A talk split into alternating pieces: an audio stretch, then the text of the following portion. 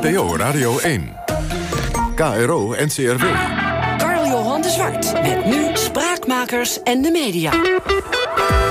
Wilfried de Jong is nog hier. Hij is spraakmaker vanochtend en schrijver, theater- en televisiemaker. Tegenover hem Sjerk Kuiper, hoofdredacteur van het Nederlands Dagblad. En nogmaals welkom aan Catharine Keil, columnist bij De Telegraaf en presentatrice. Ja, Catharine, eh, het was de week van Veronica Inside. Het heeft de gemoederen flink bezig eh, gehouden de afgelopen dagen.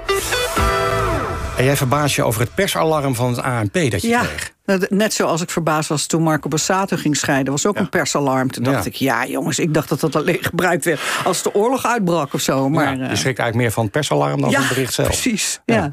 Dus ik denk, eh, is dat een devaluatie van het persalarm of wat is het? Ah, Sjerk? Ja, het is, het is een, eh, een symbool van hoe, eh, hoe de journalistiek soms zich opwindt over iets wat, wat eigenlijk heel eigen is aan de eigen beroepsgroep. En denkt dat heel Nederland daarmee bezig is. Ik denk dat dat ook wel een rol speelt bij dit programma. Van ja, dit is toch de borreltafel van de gewone man. Dus dat Ja. zal wel heel belangrijk zijn. Maar Ja. eh, dat je dat tegelijk dan als nieuws zo belangrijk vindt, dat vind ik wel Ja. heel erg. Maar, maar, maar heel even, dat Ja. persalarm, dat is iets wat op je telefoon schijnt. Dat kan je toch ook uitzetten? Als iets- Ja, maar als het dan echt oorlog hebt is, het dan mis ik het. Je hebt het geïnstalleerd voor de momenten dat iets heel Als belangrijks KLM gebeurt. Zoals de- krijgt, dan mis je dat ook. Maar zijn jullie echt, ja, ik, Nee. ik heb dat niet aanstaan. Nee, ik maar ben ik gewoon zoiets, journalist en omdat ik als volg ze heus wel het nieuws. eh, als maar ik ze- laat me niet elke vijf minuten gek maken door een piepje. Nou, het is ook niet elke vijf minuten hoor. Het is één keer in, eh, weet ik veel, Nou ja, drie maanden of eh, zo. Bors- Borsato, VI, dan telt het al snel op. nou, maar dat kijk, was al een poosje als er een persconferentie komt van Hoekstra over KLM... dan wil Ja. ik dat als hoofdredacteur wel snel weten. Tuurlijk. Dus daar heb je zo'n persalarm voor. Oké, maar niet als een hoofdredacteur ben. Oké, ik zit iets meer aan de zijlijn. Ik ben geen hoofdredacteur. Maar Wilfried, vind jij, vind jij dan echt niet dat eh, Johan Derksen... die niet meer in de setting van het programma Veronica Inside... aan tafel wil zetten met Wilfred Gené... geen pushbericht waard? Ja, daar heb je alweer zo'n woord pushbericht. Dat, dat neem jij gewoon in de mond. Dat is voor mij echt... eh, ja, ik doe wel een push-ups af en toe met grote tegenzin. Je denkt er iets heel anders Maar aan. moet, oké, andere vraag. Moet het bovenaan eh teletext staan op de 101-pagina? Nou, het is media-nieuws, denk Ja. ik. Hè? Dus het hoort op dit soort... eh, ik ben hier voor het eerst aan. Ik moest even vragen, hoe werkt dat eigenlijk, zo'n mediaforum? Ik hoor het wel eens hoor, ik ga er niet dommer voordoen dan ik ben. Maar ietsje meer afstand kan geen kwaad, toch? Ja. Ietsje meer nuchterheid hierin. Het, ho- het, hoort, het is wel gewoon media-nieuws. Zeg maar, dat woord nuchterheid, dat hoor je bijna niet meer. Dat zou trouwens op alle vlakken wel beter zijn, vind je niet? Maar Catharine, zijn we die nuchterheid eh, volledig uit het oog verloren... in deze, ik noem het toch even een Ik vind soap? wel dat de mensen een beetje hysterisch aan het worden zijn, hoor. Mijn god, waar gaat het nou allemaal om? Foute grap in feite. Ja. Nou ja, goed, dat was wel op een moment dat eh, we midden in het eh, racisme-debat zaten... Ja, in de discussie tuurlijk. waarvan we nou net hadden gezegd... dat soort Maar grappen moet je dus had eigenlijk niet meer wat maken. gezegd over Zwarte Piet, weet Ja. je nog? Dus ja. Ehm, TV-maker Hummy van der Tonnekreek die schrijft vanochtend in de Telegraaf... dat met het schrappen van de slotuitzending van Veronica Inside... aanstaande maandag, hè, eh, het vrije woord heeft verloren. dat is wel een stevige dat- conclusie. Zij suggereert zelfs om de hele avond op zwart te gaan. Nou ja, soms moet je overdrijven om duidelijk te maken wat je punt is. Ik, ik begrijp wel dat zij zegt van... eh, ja, toch een beetje de vrijheid van meningsuiting is in het gedrang. Hè? Als je niet bij een bepaald clubje hoort, zegt zij... ja, dan val je buiten de pot. En, Mhm. Maar hoezo is de vrijheid van meningsuiting hier in het gedrang dan? Je, je bedoelt dat je zo'n grap niet meer kunt maken? ja, Ja. dat bedoel ik. Maar En- goed, die grap mag je toch maken, alleen daar ontstaat een enorme discussie over. Ja. Dat is dan ook het gevolg. Ja, nou ja, goed. En dan, ja, dan vraag je af of zo'n grap de discussie waard is. Het is wel grappig. Jij zegt dus dat ze, dat ze eigenlijk voor, kiezen. Is het een column, begrijp ik? Sorry? Was dat een column waar je over Ja, sprak? Dat je, op zwart, ja. dat je op zwart zou moeten. Dat is dan gelijk weer een soort knipoog naar Black Lives Matter.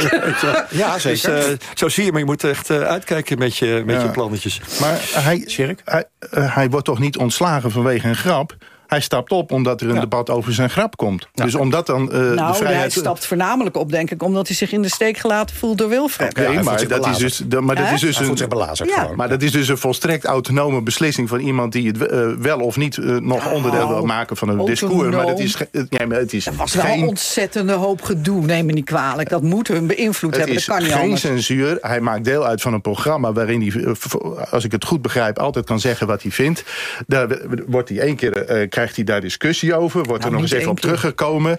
En vervolgens maakt hij daar een enorm nummer van. Wat overigens commercieel natuurlijk heel verstandig is. Ja? Dus laten we niet vergeten, dit is wel commerciële televisie. Die moet het hebben van de aandacht en van de kijkcijfers. Dit is een cliffhanger. Bovendien gaat volgens mij die uitzending, zomer af van die uitzending er aanstaande maandag. gebeuren. Ja, Gaat maar niet door, ze, dus ze hebben zelf besloten dat hij niet doorgaat, toch? Omdat, om de gemoederen een beetje tot rust te laten komen. Ja, de laatste uitzending. Ja. Ja, ja, maar dat, eh, dat zijn was al een verlenging natuurlijk. Dus het, eh, nee, maar nu is, het, nu, nu is het juist een hele slimme cliffhanger. nou de laatste uitzending van dit seizoen niet doorgegaan. Die Oh. de vraag van, ja, wat, Wat gaat er er nou nu gebeuren? En Ja. dat hebben we vaker gehad. Oh, maar we zitten dus eigenlijk te kijken naar een toneelstuk. Dan, Exact. denk jij? Nou, kijk, ik geloof best. Ik geloof niet dat Derksen zelf een acteur is, eh, maar eh, zo'n heel programma wordt natuurlijk wel script.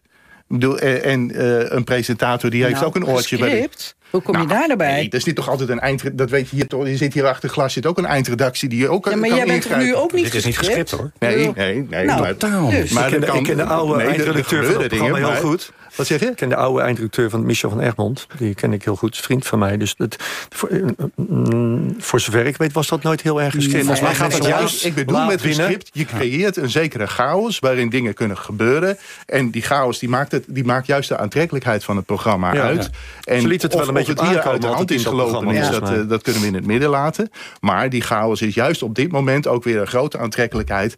Dus eh, Veronica heeft meer aandacht dan ooit. En als, ze, als Talpa er op een vers- slimme Wat, manier wat, mee wel, wat mij wel verbaast, Ja? eh, wat mij wel verbaast is dat, dat ik begreep dat er een half uur voor aanvang, ik weet niet waar ik dat las in een krant ergens, het best wel een grote ruzie was geweest op de vloer, zeg maar. Hè? En dat, en dat, dat hoor je eigenlijk dan niet terug live in die uitzending. Had je eigenlijk ook wel.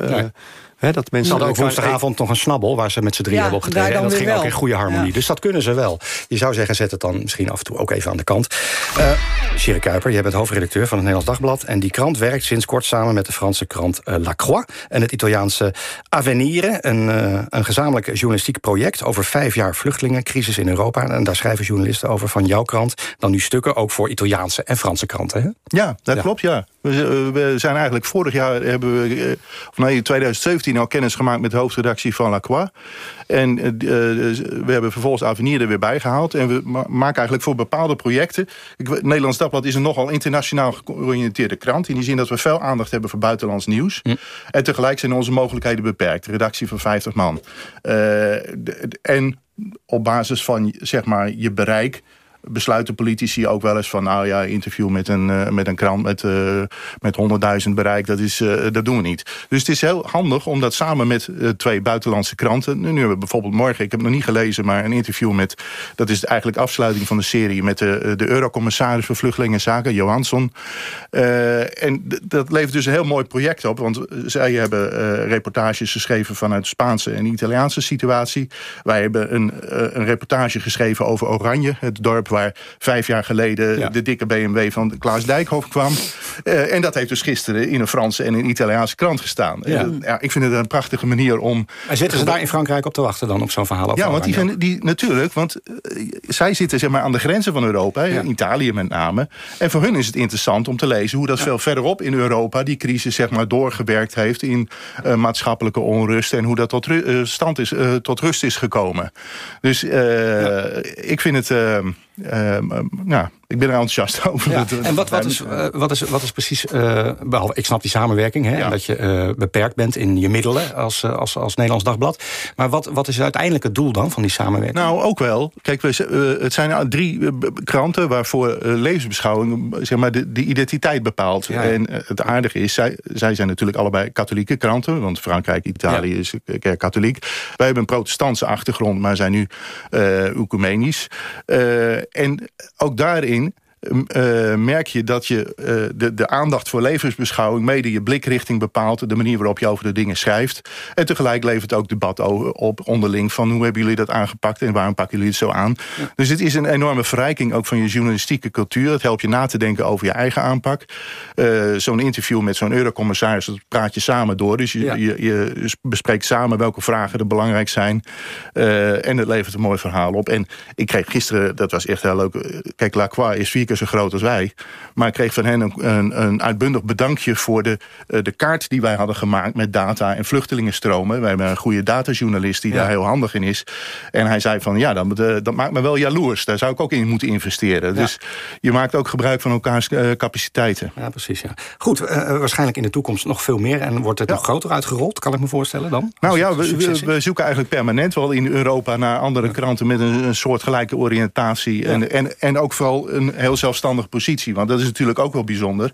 Eh, in Nederland zijn, eh, ja, dat zeg ik niet om een flauw te doen, maar alle, alle grote Nederlandse kranten zijn eigendom, eigendom van, eh, van twee Vlaamse mediahuizen. Ja, ja. En wij zijn een zelfstandige krant. En, eh, dus dan moet je het juist hebben van samenwerkingsverbanden met andere zelfstandige kranten. We blijven nog even bij het vluchtelingenthema, zou je kunnen zeggen. Want uh, Brieven aan Andalusië van de VPRO... heeft de Zilveren Nipkoff-schijf 2020 voor beste televisieprogramma gewonnen. In het programma vlucht Stef Biemans met zijn gezin uit Nicaragua... dat door politieke spanningen en protesten wordt verscheurd... naar het Zuid-Spaanse dorp Utrera. Om in te burgeren schrijft de presentator brieven aan zijn Andalusische streekgenoten... die hun antwoorden dan voor de camera zelf voorlezen. Catharine, de jury roemt programmamaker Stef Biemans... als dichter onder de Nederlandse reisverslaggevers... die met een persoonlijke benadering het programma meer diepgang... dan de gebruikelijke reisserie geeft. Ja. Vind jij dat ook? Ja, dat vond ik zeker ook. Maar wat ik ook heel belangrijk vond was de cameravoering. Die vond ik werkelijk ongelooflijk. En de montage. De overgangen die in dat programma zitten. Zo bijzonder. Met zulke mooie mhm. muziek. En heel creatief gemonteerd. Ja, ik, uh, ik vond het heerlijk om naar te kijken. Ja, Wilfried, ken jij deze serie ook? Of niet? Nee, ik, Uh, dat staat op mijn lijstje. jou ook om naar te kijken. Nee, maar zou vanuit mijn VPRO-hart uh, zou ik dat gezien moeten hebben. Maar is een, is een beetje aan mij voorbij gegaan. Maar ik, ik, ik ik ken de cultuur goed van de VPRO, dus ik weet hoe qua montage, wat jij zegt, dat die dingen van die reisprogramma's altijd heel goed. Ik ken ook wel van die kamermensen waarmee ik soms heb gewerkt. Dat, dat zijn, Die kamermensen zijn ook nooit pure cameramensen, maar dat zijn ook gewoon regisseurs voor je op dat moment. En, dat is heel fijn. Het zijn gewoon artiesten. Ja. Prijs voor die Zilveren Nipkoff schijf 2020 werd wat overschaduwd... door de uitreiking gisteren van de ere Zilveren Nipkoff schijf... aan Matthijs van Nieuwkerk. De presentator werd gisteren ook uitgebreid geïnterviewd... door Bo van Ervedorens, Catherine. Wat vond jij van het interview? Ja, weet je wat ik zo grappig vond? Ik had eigenlijk eerst als mediamoment een vraag van Bo aan Matthijs. Ja. En dat was eigenlijk zo'n verschrikkelijke vraag. En ik zag Matthijs ook helemaal verstijven. Ik dacht, oh, nu gaat het mis, weet je wel. Hij vroeg namelijk, uh, toen hij dus opgehouden was met uh, presenteren... heb je ook gehuild? Oh ja. Ik dacht, mijn god, wat is dit nu voor een vraag? Dus ik zag Matthijs even helemaal oh zo terugtrekken. En daarna had hij iets van, kan mij het ook schelen. En toen kwam, kwam je helemaal los. Dus toen dacht ik, nou zie je dus hoe eigenlijk in principe een beetje rare vraag... tot een, tot een fantastisch gesprek kan leiden. En dat vond ik heel mooi, maar ik vond het sowieso een fantastisch programma. Want dan zie je dus hoe bijzonder Matthijs eigenlijk is. Dat is gewoon zo. Uh, in, in zijn manier van zich verplaatsen in andere mensen. En uh, gewoon ook de durf hebben om uh, buiten het vormen te stappen. Dat vind ik uh, heel bewonderenswaardig. Want daar moet je ook wel behoorlijk wat uh, power voor hebben, hoor. Dat kan alleen maar als je al behoorlijke kijkers hebt. Ja, ja, ja, precies, daar gaan we het zo over hebben. Ja. Heb jij ook gekeken, Wilfried? Ja, nou, ik, ik, ik, ik weet niet of ik het helemaal ben er, ergens ingevallen. Ja. Ik was uit eten, uh, mijn zoon was jarig en ja. ik kwam laat thuis. En toen heb ik aangezet, denk ik het eerste kwartiertje gemist heb of zo. Maar best wel lang nog zitten kijken, hoor. Dan heb je volgens mij die huilenvraag... Dat, ja, die, denk die heb je net gemist. Ja, ik, ja. ja, die heb ik denk gemist, ja. Die, die hebben ze juist op Twitter gezet, dus die heb ik gezien. Echt waar? Ja, dat vonden ze... Het een pushbericht? zo mooi was het een pushbericht? Ja. ja. nee, nee, nee. 101 was het. Uh, zullen we even luisteren naar een kort fragment? Ik zit in een best heigerig uh, talkshow-format. Nou, stop eruit. Nee, nee, nee. Ik bedoel, dat, dat, dat, dat, dat vind ik ook fijn. En we proberen natuurlijk onszelf ook een beetje uh, uit te vinden. ik dacht dat je het klagelijk zei. Nee, heigerig. Oh, heigerig. Hmm. Ja, dus dat je echt het nieuws... Nee, maar ik dacht dat je dat klagend zei. Dat je dacht ik wou dat het minder heigerig was. Nou, misschien heb je wel gelijk. Ik wou dat dat misschien wel wat minder heigerig was... en wat meer de wereld draait door. Wat warmer, wat, wat, wat meer zeg maar uh, los gezongen van die media. Dat ja. vliegwiel waar je altijd mm achteraan uh, mm zit te rennen. Ja, heigerig. Uh, Catharine, het ging gisteren ook over het keurslijf van de talkshow, hè, dat format. Zou jij even willen uitleggen wat Bo en Van Nieuwkerk uh, daarmee bedoelen? Dat is zo'n strak format. Hoe zit dat in elkaar? Nou ja, kijk, je hebt dan uh, zeg maar elke keer begin je met een opening. Hè, dat zie je bij M bijvoorbeeld. Die zegt elke dag, heeft u dit gezien? Daar begint ze altijd mee. Dus dat is deel van het format. Ja. En dan komt er een wat langer interview. Nou, en zo is elk programma eigenlijk opgebouwd uit bepaalde onderdelen. Nou is natuurlijk de uitdaging voor een presentator om daar onderuit te komen. Ik heb dat ook altijd als een corset ervaren, weet je wel. En dan dacht ik, ja, ik wil nu een lang interview maken... maar omdat het format zegt drie minuten, kan het maar drie minuten. Nou, en nou is het, nou is het rare, dat het is een soort kip-en-ei verhaal. Want uh, een programma gaat scoren als het format goed wordt aangehouden... want dan herkennen de mensen natuurlijk dingen. Ja. Maar, en als je dan tijdens die periode waar Bodus nu in zit... uit het format wil, dan gaat je dat niet lukken. Dus op het moment dat hij echt gaat scoren, dan kan hij uh, doen waar die zin in heeft. Maar het is helemaal niet waar, want uh, Bo maakt nu een uur een, een special met Matthijs. Ik weet niet hoe de kijkcijfers daarvan zijn. Maar, ik ook niet. Maar... Nee, maar ik bedoel, ik denk dat dat goed is. En dat is gewoon anders dan wat hij normaal maakt. Doet, hoor. Zeg je? Het is wel voor het eerst dat hij dat Jawel, doet. maar ik, vind, ja, ik, heb natuurlijk, ik heb heel lang met Matthijs gewerkt. Ja. vijf jaar Hollandsport gemaakt. En toen had hij eigenlijk daarvoor de gids gemaakt. En was allemaal nog beginnend en zo. En ik weet wel dat ja, Hollandsport was een wekelijks programma. En wij deden iedere week wat anders. Wij, wij hadden wel bepaalde dingen die een beetje standaard waren. Maar wij deden echt heel vaak wat maar anders. Om, om ja, maar jullie hadden ook rubrieken. En wortel te Jullie hadden ook een massage en weet ik veel. Ja, we hadden wel een aantal rubrieken, zeker. Maar wij, wij, wij deden zoveel. Wij, wij, wij verzonnen elke week echt andere dingen. We lieten mensen op de vloer allerlei dingen doen. Er waren geen standaard. De, de kruisjes op de vloer, die heb ik er hoogstpersoonlijk afgekrapt. ik zei tegen mensen, cameramensen, toen ik begon... terwijl ik helemaal niet zoveel televisieervaring had... ik zeg, ja, maar eh, kruisjes, eh, moet ik daar gaan staan? Nee, jullie hebben camera's, die, die, die, kun je bewegen. Rijden, die zitten ja, op je schouder. Dus volg ons maar. Ja. He, waardoor Matthijs ook in het begin ook nog wel zei... oh, wil, wil je dat ik van daar naar daar loop? Bijvoorbeeld van A naar B lopen in, in televisieland... 3,40 meter 40 lopen binnen een studio. De, de meeste uh, presentatoren struikelen dan, hè? want het is gewoon veel te ver. Ja. Veel te zenuwachtig voor de meeste cameramensen houden het ook niet scherp, hoor. Dus ja, tegenwoordig wel. Maar Beetje collegiaal, ja, ik, ik, ik, denk, uh, ik denk dat het, dat het juist... Ik denk dat het juist wel goed is om heel erg te verversen... en dingen te veranderen steeds. Ja. En dat, Matthijs zei ook in de uitzending... van als je eenmaal een tijdje draait met zo'n programma... kun je ook alles gaan maken. En Precies. mensen, ja. klinkt een beetje denigrerend over die kijker... die kijken toch al, die zijn, toch, die zijn nieuwsgierig geworden. Ja, maar je zei je was het niet met me eens... maar je bent gewoon wel met me eens dus. Nou, wat wel zo is, je moet eerst wel even wortel schieten. En, dat bedoel ik, uh, maar dat zei ik ook duidelijk. Ja, ja, dus je moet gewoon eerst een programma hebben... waar iedereen naar wil kijken. Maar het heigerige zit hem toch ook in het, bijvoorbeeld... in het, uh, in het uh, samenstreven of uh, jagen op de plichtmatige... de obligate gast van de dag. Ja, maar dat zei Matthijs nou juist. Hij wil geen politici en hij wil niet al die corona-dingen. hoe vaak uh, redacties van, uh, van ook van De Wereld Draait Door... s ochtends vroeg met mensen bellen en uh, ja, zeggen van... je kunt tuurlijk, bij ons zitten, maar we maken de afspraak... je gaat alle anderen afzeggen. Tot ja. grote frustratie van andere programma's die weer zeggen van... ja, hij is al geblokt door, door De Wereld Draait Door. maar dat is en nou vervolgens eenmaal... word je smiddags om vier uur afgebeld. en, en Wat ik echt een probleem vind bij, bij de talks... Uh, laat op de avond ook vooral bij op één en zo... is dat er voor één uh, onderwerp uh, vaak drie gasten worden uitgenodigd. Ja. Begrijp daar niets van. En Begrijp dat niet gaat waarom. maar eindeloos waardoor, door. waardoor ze alle drie niet uit de verf Ja. komen. Weet je, dan beter één goede gast hebben... en Ja. die misschien iets Ja. korter doen En dan je niet gepland had. altijd dezelfde. Ik heb het idee bij op één dat ik altijd dezelfde mensen aan tafel zie Nou, dat zitten. is een ziekte die, eh, die, die, waar, waar mensen al langer over spreken. Dat vinden ze bij alle, alle programma's die dagelijks zijn. Maar dat tegelijkertijd zijn die kijkcijfers wel goed. En het werkt dus blijkbaar. Ja, maar Ja, ik vraag me af of het tegenovergestelde ook niet zou kunnen werken. Ja, precies. Als je een hele goede gast hebt die niet bekend is... Ja. dan kan die ook indruk maken natuurlijk. Nee, dat kan ook wel, maar eh, er zijn bepaalde wetmatigheden. eh, de- eh, althans, zo redeneren veel makers dan, denk ik. Ja. Eh, van ja, eh, we moeten die en die hebben. Want dan weet je, er wordt ook op veilig gespeeld in die zin. Ja, maar Dat hoeft helemaal garantie. niet. Nee. Nee? Nee, ik, heb- ja, ik heb zelf ben een hele kleine bespeler, joh. Matthijs zei altijd tegen mij, ja, maar Wilma, ik ik speel op het hoofdveld. En daar had hij ook voorkomen gelijk in. Ik zat op een bijveldje en ik friekte erop los op televisie. Ja, ik heb de gekste dingen gedaan. Ik ging gewoon eh, met één camera in de Van Ellenfabriek live televisie maken. Eh, acht verdiepingen hoog, 150 meter lang. Met één camera en een lange snoer eraan. Camera van 4000 euro, die ook nog wel eens kapot ging live. Ik bedoel, dat is van een volstrekt andere orde dan live iedere dag een talkshow maken. Ja, want is- ik voel me daar goed bij, omdat ik gewoon veel theatraler wil zijn. Ja, maar het is wel anders. topsport hoor, om elke dag zo'n show te maken. Dat kan ik je wel melden. Tuurlijk. En zeker 15 jaar. Ja. Sherry Kuiper, waar ligt jouw voorkeur? Bij zeg maar de Wilf, eh, Wilfried de Jong aanpak? Of Laat je niet gek de- maken. de dit is echt zo'n onzinvraag. Niet doen, joh.